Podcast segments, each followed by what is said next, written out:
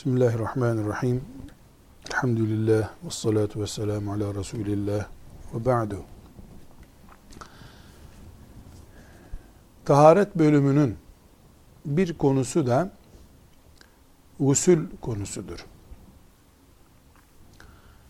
Usul erkek veya kadın Müslümanın büyük hades dediğimiz büyük kirliliğe bulaşmasıdır. Bu özet olarak üç şeyle gerçekleşir. Yani üç şey gusül nedenidir. Erkeğin veya kadının cinsel organından meni gelmesi. İkincisi erkekle kadının cinsel birleşimi.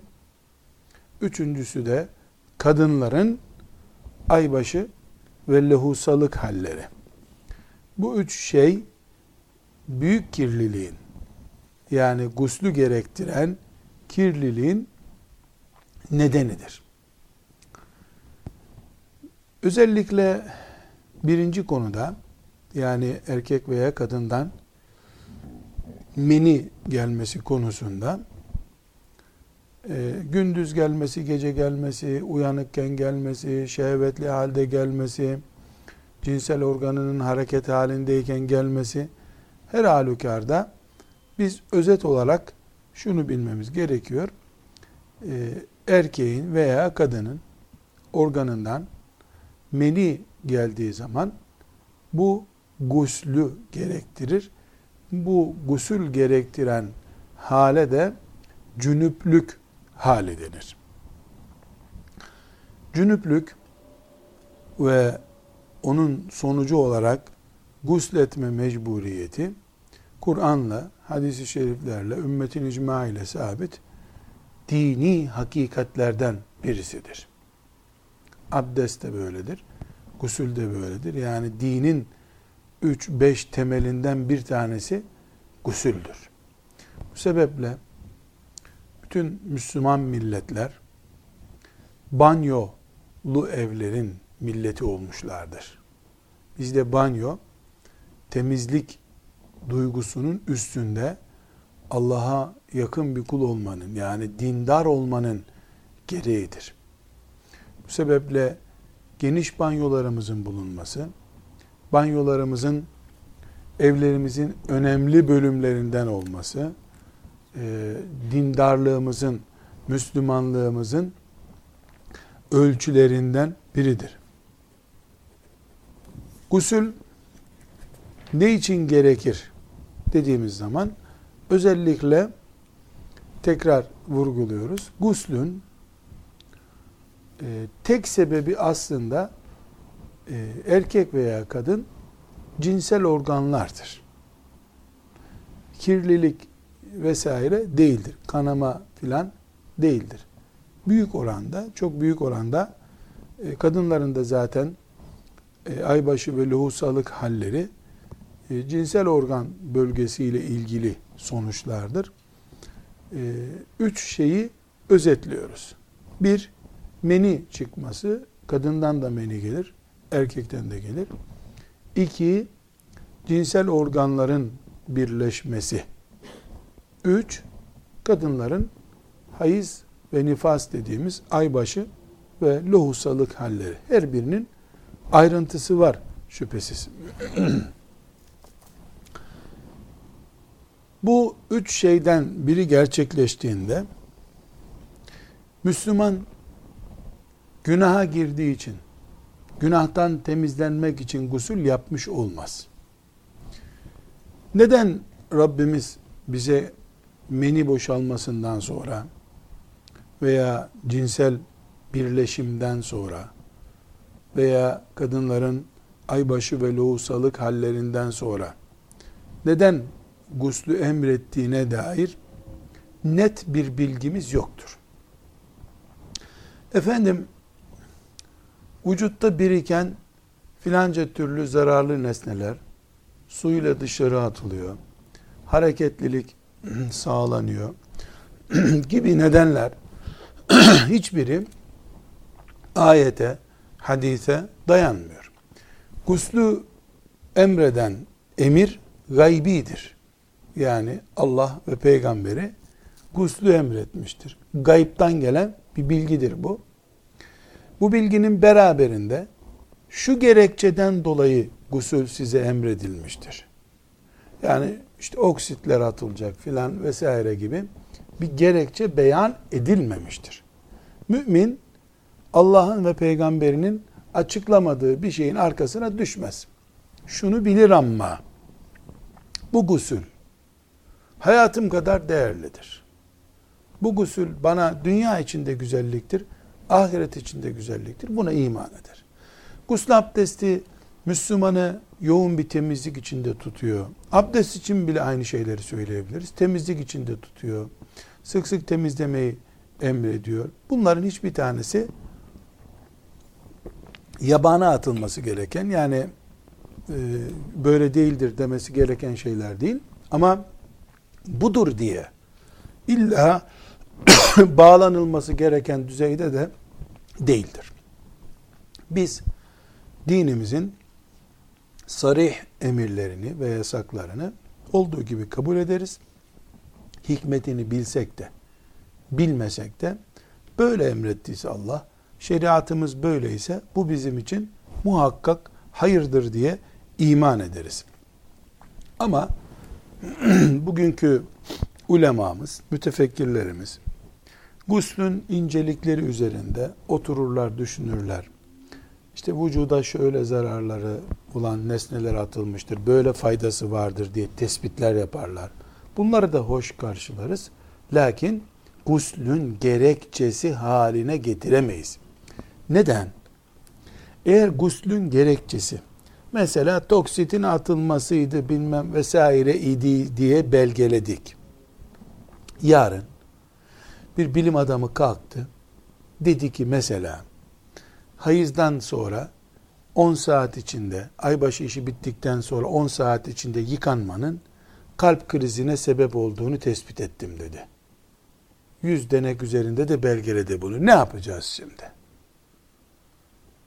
O hani aybaşı biter bitmez banyo yapmanın, gusletmenin çok mübarek olduğunu, sağlığa yararlı olduğunu tespit ettik. Misal yani böyle bir şey yok ortada. Tespit etmiştik. E, laboratuvarda tespit edilmişti. O denekler üzerinde tespit e, Bu da denekler üzerinde tespit edildi.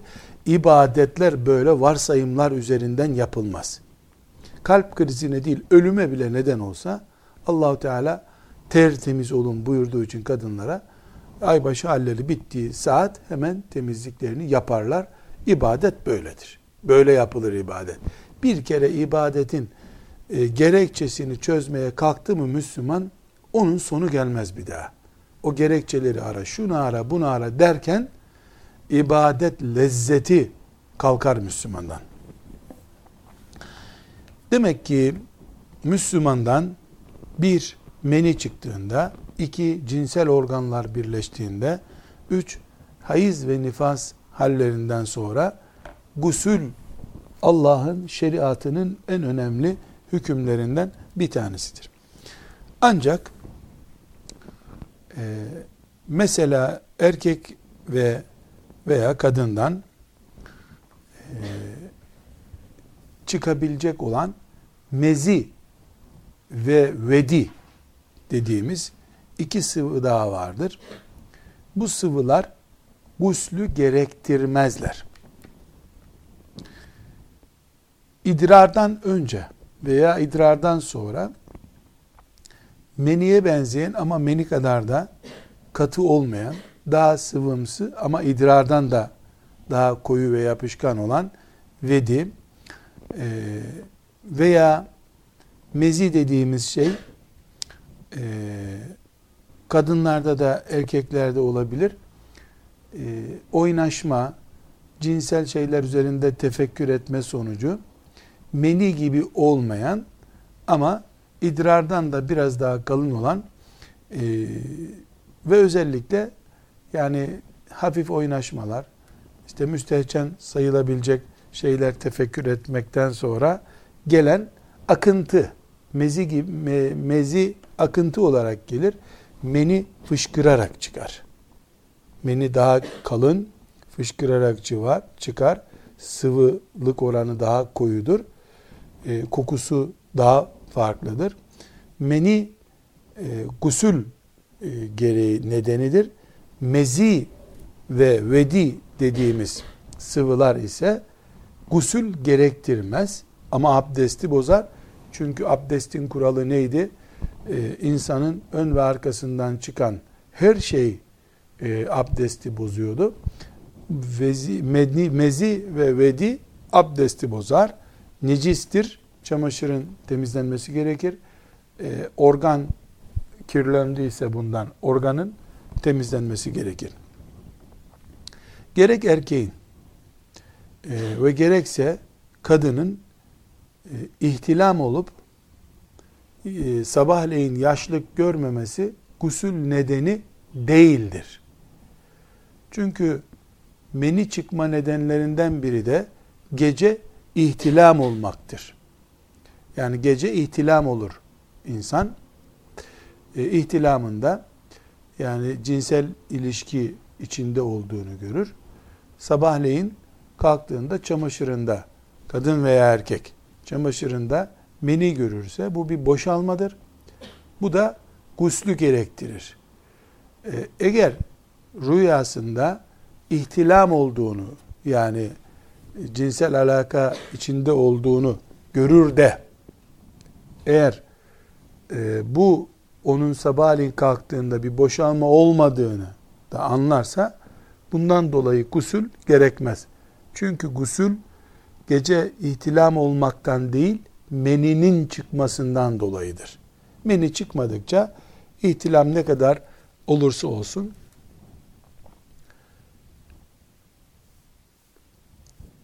bir başka husus da e, ön ve arkaya erkek veya kadında parmak sokulması tıbbi bir nedenle veya bir temizlik nedeniyle parmak sokulması veya bir pamuk vesaire sokulması işte bir kumaş parçası gibi yahut da tıbbi bir alet sokulması guslü gerektirmez. Çünkü gusül şehvet organlarının birleşmesinin adıdır. Şehvetle organların birleşmesi ya da meninin şehveti simgeleyen meninin gelmesiyle gusül gerekir. Guslün de farzları vardır.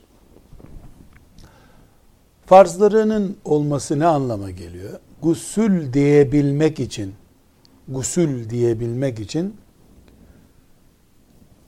onların yerine getirilmesi gerektiğini konuşmuş oluyoruz. Eğer bu sayılan farz olarak sayılan şeyler bir tanesi veya bir iki tanesi gerçekleşmezse o banyo yapmak olur, duş almak olur, gusül olmaz o zaman. Bu sebeple guslün farzları deyimi başka türlü gusül olmayan temizlenme türü demektir. Gusülde birinci ve ikinci farz burnun ve ağzın yıkanmasıdır. Fukahamız Allah onlara rahmet eylesin. Hadisi şeriflerdeki, ayetlerdeki anlatımlardan istifade ederek ağzın içinin ve burnun içinin de geniz bölgesine kadar yani burnun yaklaşık olarak dışarıdaki uzantının yukarıya doğru gittiği yere kadar olan kısmının vücudun dış bölgesi sayılabileceğini ve e, muhakkak gusülde yıkanması gerektiğini, bu yıkanma şüphesiz ağzı su doldurarak, buruna su çekerek yapılacak bir yıkanma türüdür. Bu da guslün birinci ve ikinci farzıdır. Vücudun tamamının yıkanması, guslün farzlarındandır. Vücudun tamamı yıkanacaktır. Bu tamamının yıkanması demek. Yani bir insanın vücudunda deri olarak ne varsa, hatta göbek deliği bile dahil, hatta e, mesela bir yara olmuş, o yara içeri doğru bir oyuk olarak, e, işte bir de bir bıçak yarası gibi bir şey, içeri doğru yani göbek deliği gibi uzunca bir şey olmuş. Onun içi dahil. Vücudun her yeri, saçların ve sakalın dibi dahil insana Allah deri olarak ne verdiyse ya vücutta deri adına ne varsa bunun yıkanması gerekiyor. Bunun adı gusüldür. Herhangi bir şekilde saç dibine bile ulaşmasa gusül olmaz. Bunun için hanımların bilhassa saç derileri örgüden dolayı yıkanamıyorsa örgünün çözülmesi gerekir. Ama kadınların saçlarına yaptığı işlemler derinin altına su geçmesine mani olmuyorsa bunun bir engeli yok. Fakat erkek saçını ördüğü zaman erkekte saç zinet hükmünde olmadığı için örgüsünü çözmesi gerekir. Yani saçın kendisinin de en ince kıllarına kadar yıkanması gerekir. Kadınlarda ise saç bakımı bir zinettir. Bilhassa evli kadınların e, bu zineti bulundurmaları haklarıdır. Bu sebeple sadece saçın diplerine yani deriye, kafa derisine e, suyu değdirmiş olmaları yeterdir. Saçlardaki örgü ve benzeri işlemleri bozdurmaları gerekmez. Demek ki e, guslün ağız, burun ve beden olarak üç büyük farzı var. Bunun ayrıntıları var şüphesiz. Yani e, mesela e, aynı şekilde saçların diplerinin yıkanması, e, derin bir yaraya konan bir pansumanın çözülüp çözülmemesi bunlar hep ayrı meseleler. Ama önemli olan ne? Biz şunu bileceğiz. E, gusül insanın dış derisinin tamamının yıkanmasının adıdır. Yine abdestte olduğu gibi iğne ucu kadar bile kuru yer kalmayacak şekilde. Buradan anlıyoruz ki tırnak boyası ve benzeri hani abdeste zikrettiğimiz abdestin engeli saydığımız şeylerin de vücuttan giderilmesi lazım. Yağlı boyaydı, macundu, e, bayağı kalın tabakası olan sakız mesela e, ayağına sakız yapışmış. Belli ki onun altına su gitmemiş. Gusül olmaz. Gerçekleşmez. İşte tırnaklar, tırnağın üstü e, deri sayılıyor. Tırnaktaki boya gusle engel. Bunların hepsi giderildikten sonra vücudun bir defa yıkanması farzın yerine gelmesi için yeterlidir. Gusülde de e, sünnetler var. Bu sünnetlere göre yapıldığında gusül hem mükemmel bir gusül yapılmış olur hem de Resulullah sallallahu aleyhi ve sellem Efendimiz'e ittibadan dolayı gusül ecir kaynağı haline gelmiş olur. Gusülde abdeste olduğu gibi niyet sünnettir. Yani niyetsiz de gusül yapabilir insan. Gusül yerini bulur. Bu da Hanefi mezhebinin e, ayrıcalıklı hükümlerinden bir tanesidir.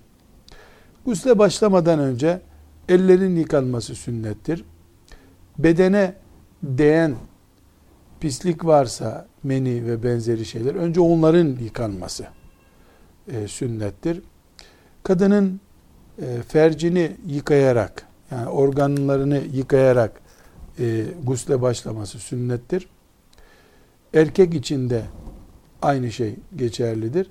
Bilhassa e, kirlenme varsa öncelikli olarak zaten temizliğe oralardan başlanmalı. Yani yukarıdan aşağı temizlenirken orası temizlenecek zaten desek farz yerini bulur. Ama sünnete uygun olan önce pis e, olacak yerleri temizleyip sonra bütün vücuda geçmek. E, sünnetlerden birisi de gusülde normal namaz için bir abdest alır gibi abdest almaktır. Bildiğimiz abdest alırız. Böylece gusülden çıkınca da namaza durabiliriz. Çünkü zaten abdest almış olmuş oluyoruz. Abdesti olduğu gibi guslü de üç defa e, şeklinde yapmak bu da sünnettir. E, bu yaparken bunu yaparken önce başını yıkar. Sonra sağ omuzundan aşağı doğru su verir. Sonra e, sol omuzundan doğru su, su verir. Yine teyamün dediğimiz sağdan başlamayı gusülde de uyguluyoruz. E, bir keresinde vücudu ovarak yıkamak da sünnettir.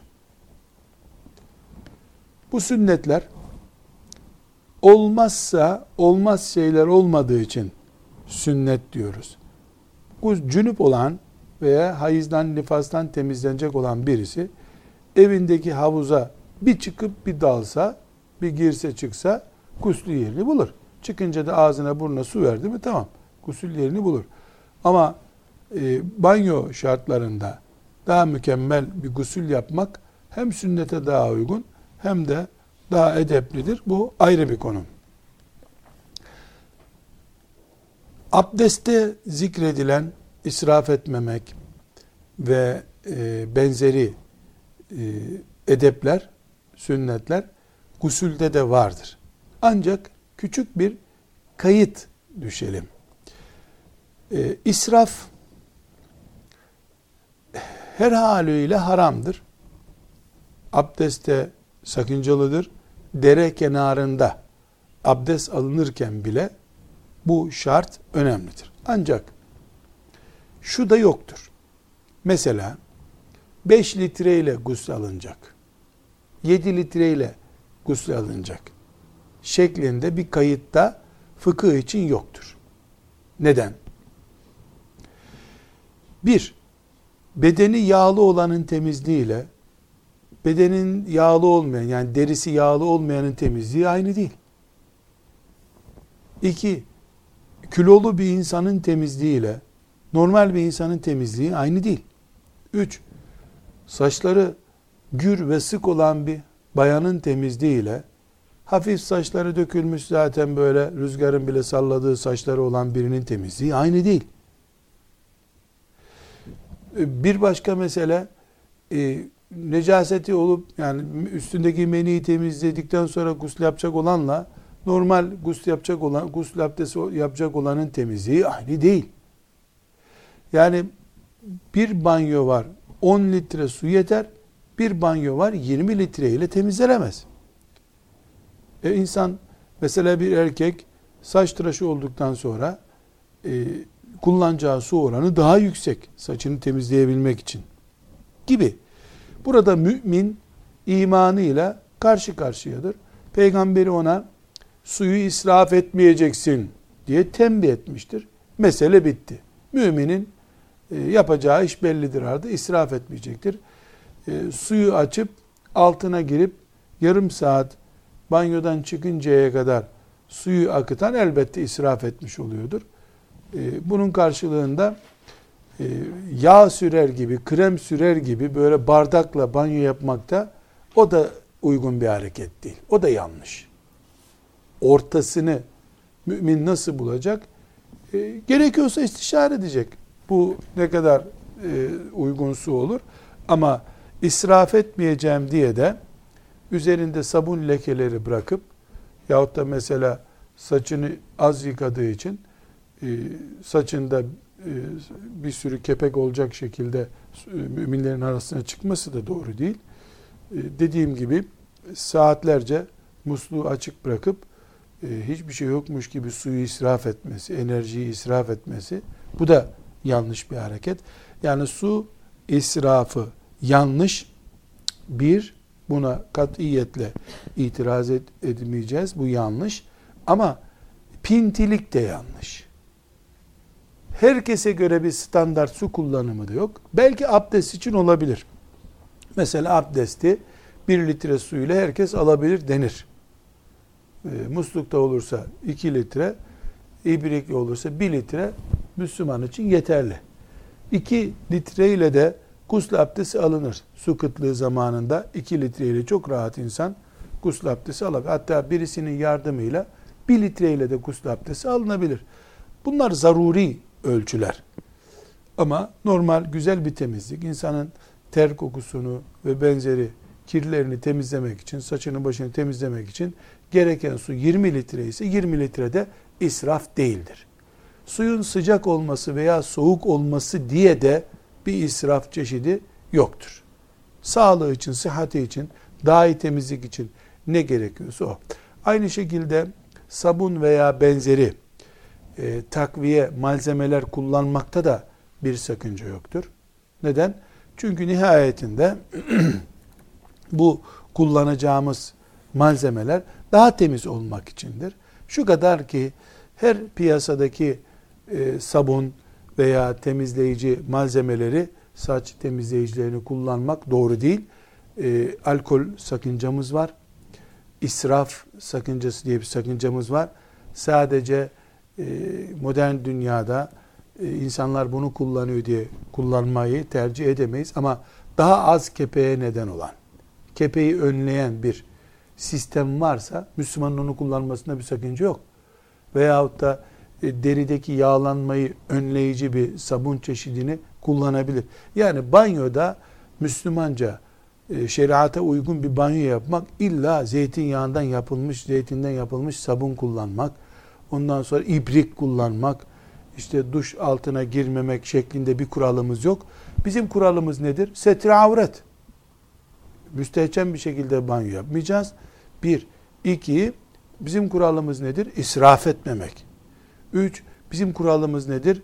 Caiz olmayacak alkollü vesaire bir nesneyi kullanmamak. Dört, kanserolojen bir madde de alkol gibidir. Onu da kullanamazsın.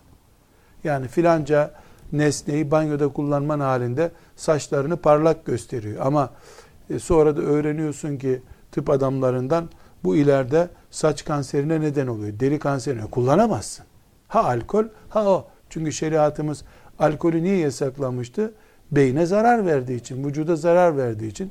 Bu da deriye zarar veriyorsa bu da bunun hükmündedir. Abdeste e, kıbleye dönmek sünnetti gusül esnasında kıbleye dönmemek edeptendir. Çünkü gusül çıplak vaziyette umumen yapılır. Çıplak vaziyetteyken kıbleye dönmemek edeptendir. Ee, o vaziyette, çıplak vaziyetteyken dua yapmamak, konuşmamakta yani böyle abur cubur sözler konuşmamakta e, sünnettendir. Bir husus daha gusülle ilgili.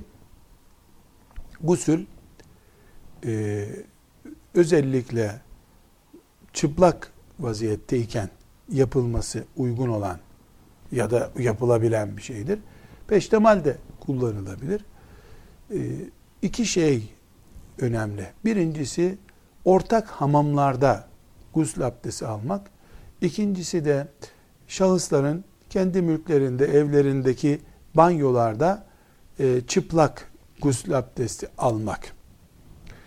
Bir, eğer Müslümanın temizlik için başka bir nedeni yoksa, başka bir imkanı yoksa yahut da sağlık nedeniyle mesela kaplıcaya gitmesi gerekiyorsa bayanlar bayanların erkeklerde erkeklerin bulunduğu banyolara zaruret kadar girebilirler.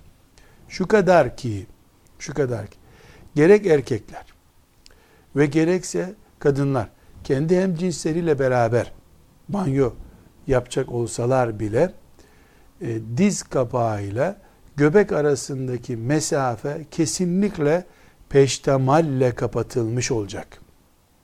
Bu peştemal de kalın olacak. Şimdi e, şu inceliği vurgulamak istiyoruz. Mesela e, bir kıyafet giyiliyor. Bu kıyafet göbekle diz kapağı arasını örtüyor. Ama ıslanınca bu kıyafet gerek erkekte gerek kadında gözle görüyor gibi e, en müstehcen organlarını, bölgelerini insanın devreye sokuyor. Bu tesettür değildir. Erkekler arasında erkeğin tesettürü değildi. Zaten erkekle kadın bir arada durmaz. Ona diyelim örf olarak da dikkat ediliyor zaten. Bu kaplıca kültüründe filan erkekler kadınlar ayrı diye bir kültür var. Denizlerde serbest de güya örf olarak. Ee, hadi diyelim kaplıca havuz kültüründe erkek saati var, kadın saati var ama erkeğin erkeğe e, göbekle diz kapağı arasını göstermesi haram. Bu gösterme çıplak göstermek şeklinde de haram. Erkeğin bütün organları bakıldığında iriliğiyle ufaklığıyla netleşecek şekilde deriye yapışmış bir kıyafetle de haram. Aynı şey hanımların da kendi aralarında geçerli. Yani hanımlar kendi aralarında bir arada iken bir arada iken her şey mubah değil ki. Erkekler bir arada nasıl durabiliyorlarsa kadınlar da bir arada o şekilde durabilirler. Yani kadının en ağır galiz avreti olan göbeğiyle diz kapağı arasını da açması haram. İnce bir ıslanınca ta tam vücuda yapışan ya da şeffaf olan veya çok ince olduğu için ıslanmadan bile bayanın e, organlarının şeklini ortaya çıkaran kıyafet çıplaklıktır.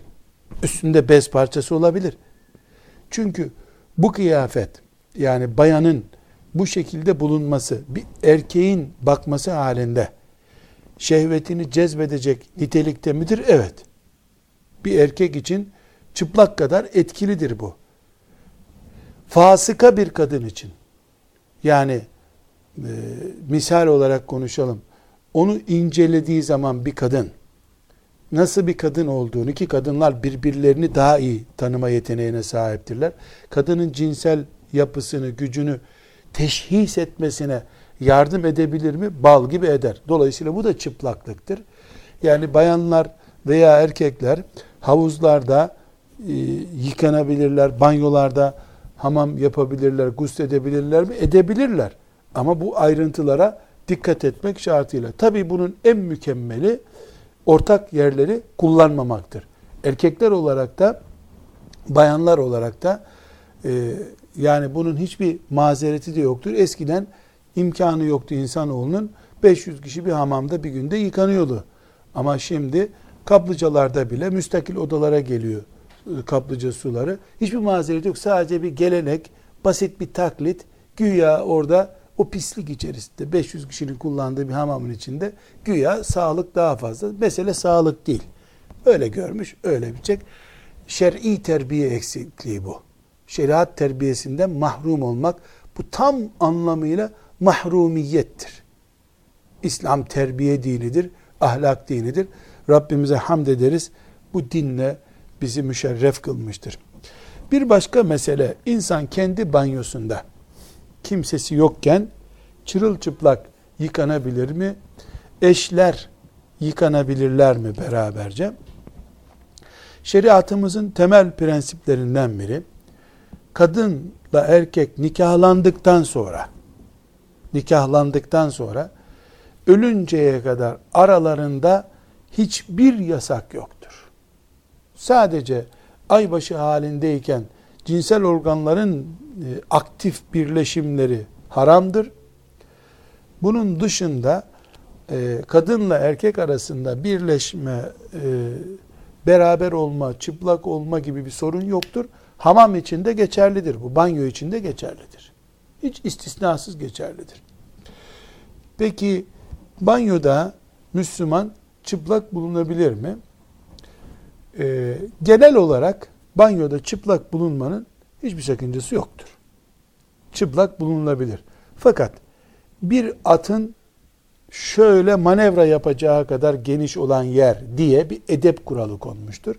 Bu da yaklaşık olarak yani e, 4 metreye 4 metre şöyle 10 metrekareden fazla büyük hamamlar, büyük banyolar olursa yani bir oda kadar, yatak odası kadar büyük bir banyo olursa yaklaşık olarak yani şöyle diyelim 3,5-4 metre bir boyu odanın bir duvarı öbür duvarı da 3,5-4 metrekare böyle büyük bir e, oda kadar bir banyo olursa orada peştemalle kullanmak daha edebe uygundur diye ulema söylemişlerdir. Ama bu özellikle haramdır anlamında değil.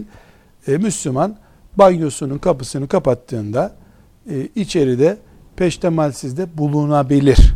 Peştemalsiz de bulunabilir. Bu peştemalsiz bulunma e, Müslümanın edepsizliği anlamına gelmez.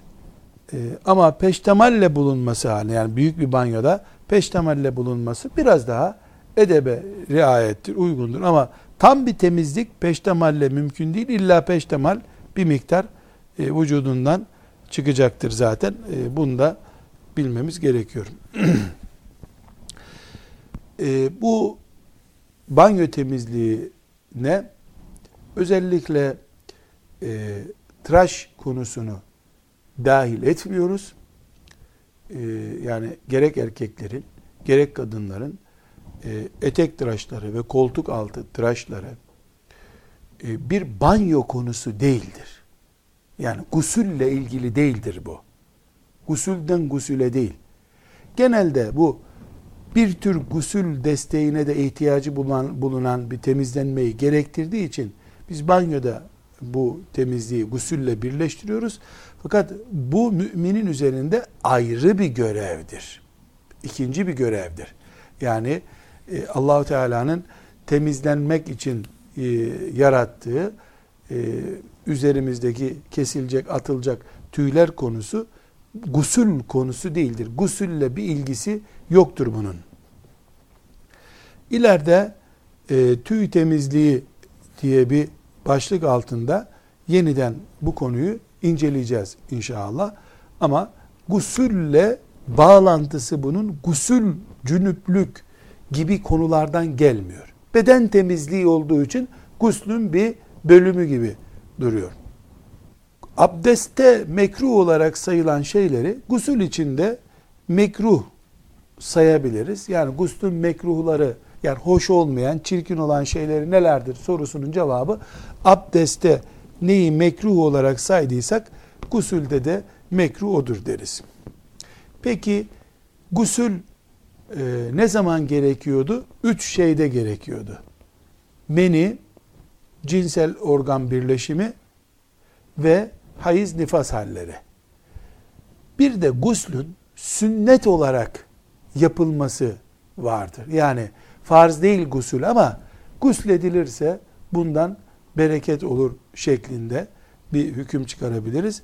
Cuma namazından önce Müslümanın gusül abdesti alması, bayram namazından önce gusül abdesti alması, şüphesiz bunlar kadın ve erkek için geçerli. Çünkü e, kadınların farz olmamakla beraber, vacip olmamakla beraber cuma ve bayram namazlarına gitmeleri caizdir. Uygun bir yer varsa, haremlik, e, selamlık riayeti yapılabilecekse, iyi bir cuma hutbesi okunuyorsa muhakkak gitmelidir bayan.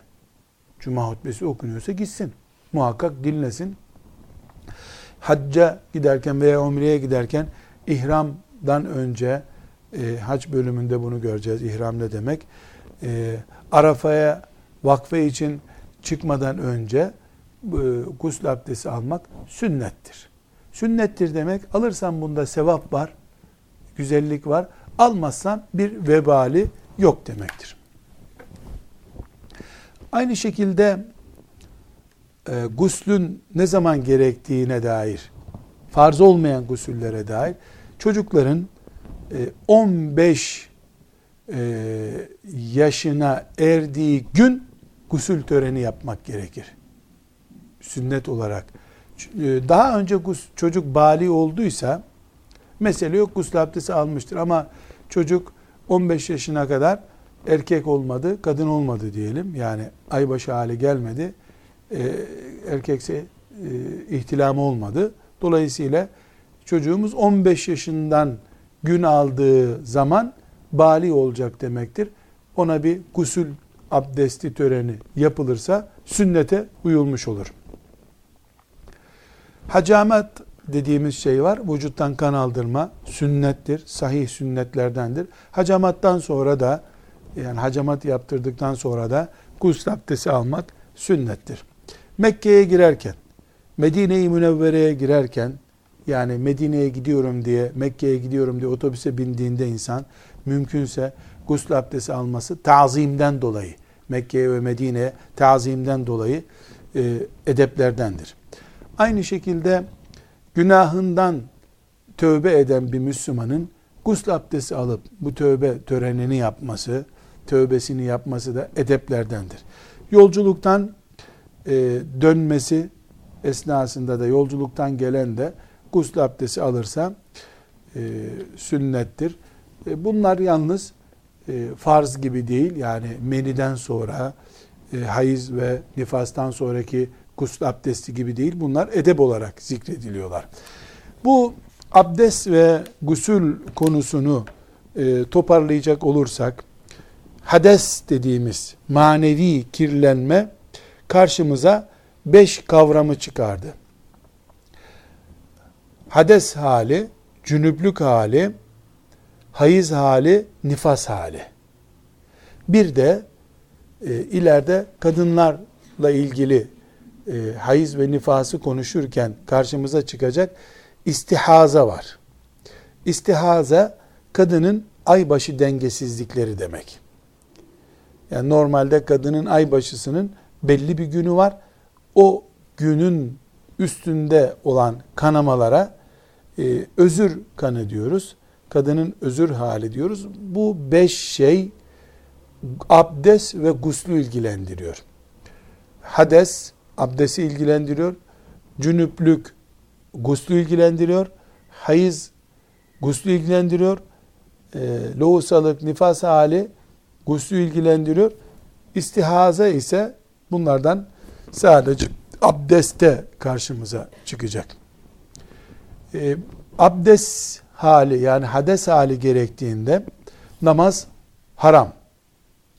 Hangi namaz olursa olsun namaz haram. Abdestsiz namaz yok. Mushafa kılıfsız haliyle tutmak. Yani mushaf nedir? Kur'an-ı Kerim'in yazılı olduğu kitap. Mushafa e, tutmak mubah değil. Aynı şekilde ayet yazılı bir şeye bir kağıtta sadece bir ayet var. Ona tutmak caiz değil. Fıkıh kitaplarına tutmak caizdir. E, tefsirler eğer çok yoğun bir şekilde başka konuları da ihtiva etmiyorsa mesela e, bir cilt tefsirde 5-6 tane ayet var. Gerisi hep tefsir. Ona tutulabilir. Ama abdestsiz bir şekilde tefsiri de tutmamak lazım. Ta'zimen li kitabillah.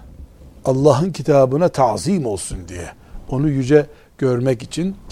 Bunlar abdestsizlikle ilgili. Aynı şekilde harem-i şerifte, Beytullah'ın etrafında tavaf etmekte yoktur. Kim için? Kim için? Abdestsiz için. Mescide girebilir, Kur'an okuyabilir, oruçla abdestin bir ilgisi yoktur. Bunlar özellikle not düşmemiz lazım. Mescide girebilir abdestsiz biri, cünüp insan, hayız bir insan mescide giremez. Ama tabi Kur'an okumak kelimesi tutmak demek değildir. Dikkat ediyoruz Kur'an-ı Kerim'e Mustafa tutmak başka şey, Kur'an okumak başka. Abdestsiz haliyle bir insan 10 cüz Kur'an okuyabilir. Hiçbir sakıncası yok. E Kur'an okumak için abdest alsam e, o daha bir fazilet kaynağı olur, ecir kaynağı. O da kendi başına Kur'an okumak gibi bir sevap olur. Lakin Kur'an'a tutmak başka şey, okumak başka şeydir. Cünübe gelince, cünüp de aynı şekilde Musafa kılıfsız olarak tutamaz. Ee, hiçbir şekilde cünüp namaz kılamaz. Hiçbir şekilde Kur'an okuyamaz. Kur'an okuyamaz kelimesi e, abdestle tersleşti dikkat edersek.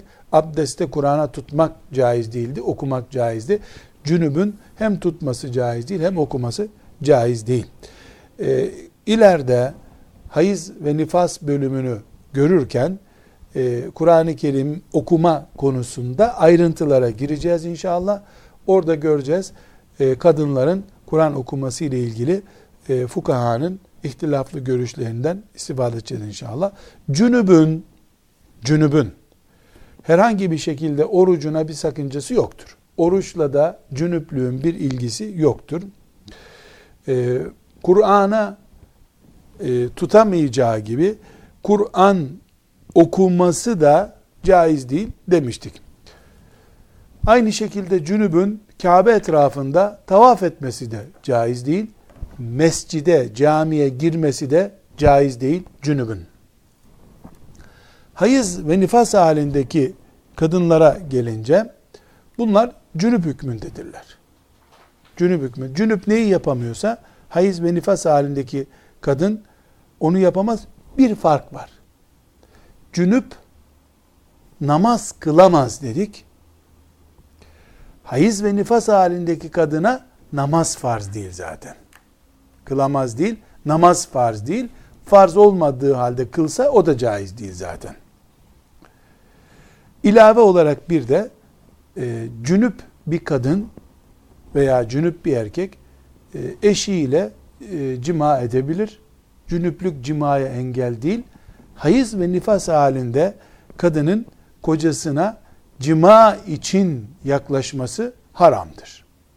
Yani cima, cinsel organların birleşimi tarzında cima haramdır. E, hayız ve nifas halinde iken kadın e, yatak odasını kocasıyla ne kadar nasıl kullanabilir? Hayız ve nifas konusunda karşımıza çıkacak inşallah. Özür hali ise yani kadının ay başından başka kanamalarının olması, aybaşı olmayan kanamalarının olması ise kadın açısından hiçbir değişikliğe neden değildir. Yani istihaze hali dediğimiz kadının aybaşı olmadığı halde aybaşı gibi aybaşına benzer kanama görmesi ki kadınların çok önemli sorunlarından biridir bu. Bunu da hayız ve nifas hali ile ilgili ahkamın ayrıntılarında göreceğiz. Çok önemli. Ve hatta Darimi e, muhaddislerden birisi rahmetullahi aleyh e, aşağı yukarı 900 senelik bir alim. Diyor ki e, bu hayız nifas ilmi maalesef zayi oldu, yazılamadı, yazık diyor. Yani bir gariplik hissediyor Allah Allah. Hayız ve nifas ilminde niye bu kadar kısır kalındı diye. Yazılamayışının nedeni neredeyse her kadına göre değişken bir hüküm ortaya çıkmasından kaynaklanıyor. Kadınların e, Efendimiz sallallahu aleyhi ve sellemin hikmetli sözlerinden biri Adem'in kızlarına yazdığı bir derttir Allah'ım bu diyor. Bir kaderi bu. Her kadında farklı çıkıyor. Dolayısıyla teyemmüm dediğin zaman mesela abdest dediğin zaman şöyle yapıyorsun. Elini böyle yıkıyorsun. Kolunda sargı varsa bu kadar bitiyor. Kadının kimi üç gün görür, kimi beş gün görür, kimi yedinci gün durur, kimi dördüncü gün durur, kimi iki gün ara verir, öbür beşler. Yani yüzlerce alternatifle ancak anlaşılabiliyor. Darimi gibi bir zat, bir ilim deryası Yok yok bu konuda ilim kalktı diye bir afet görmüş bunu. Rahmetullahi aleyh. İstihaze dediğimiz kanama hali kadında cünüplük hali değildir. Hayız nifas hali de değildir. Kadın o gün tertemizdir. Yani kadın normal hayatındadır. Şu kadar ki her namaz için abdest alır. Kanama halinde, özür halinde ise her e, ab, namaz için bir abdest alması gerekir. Özürlü Müslüman gibi. Yani erkek için de geçerli, bu kadın için de geçerli. Özürlü hükmü, bu kanama özür hükmündedir. Yeri geldiğinde e, kadınların hallerini incelerken buna da temas edeceğiz inşallah. Ve sallallahu ve sellem ala seyyidina Muhammed ve ala alihi ve sahbihi ecmaîn. Elhamdülillahi rabbil alemin.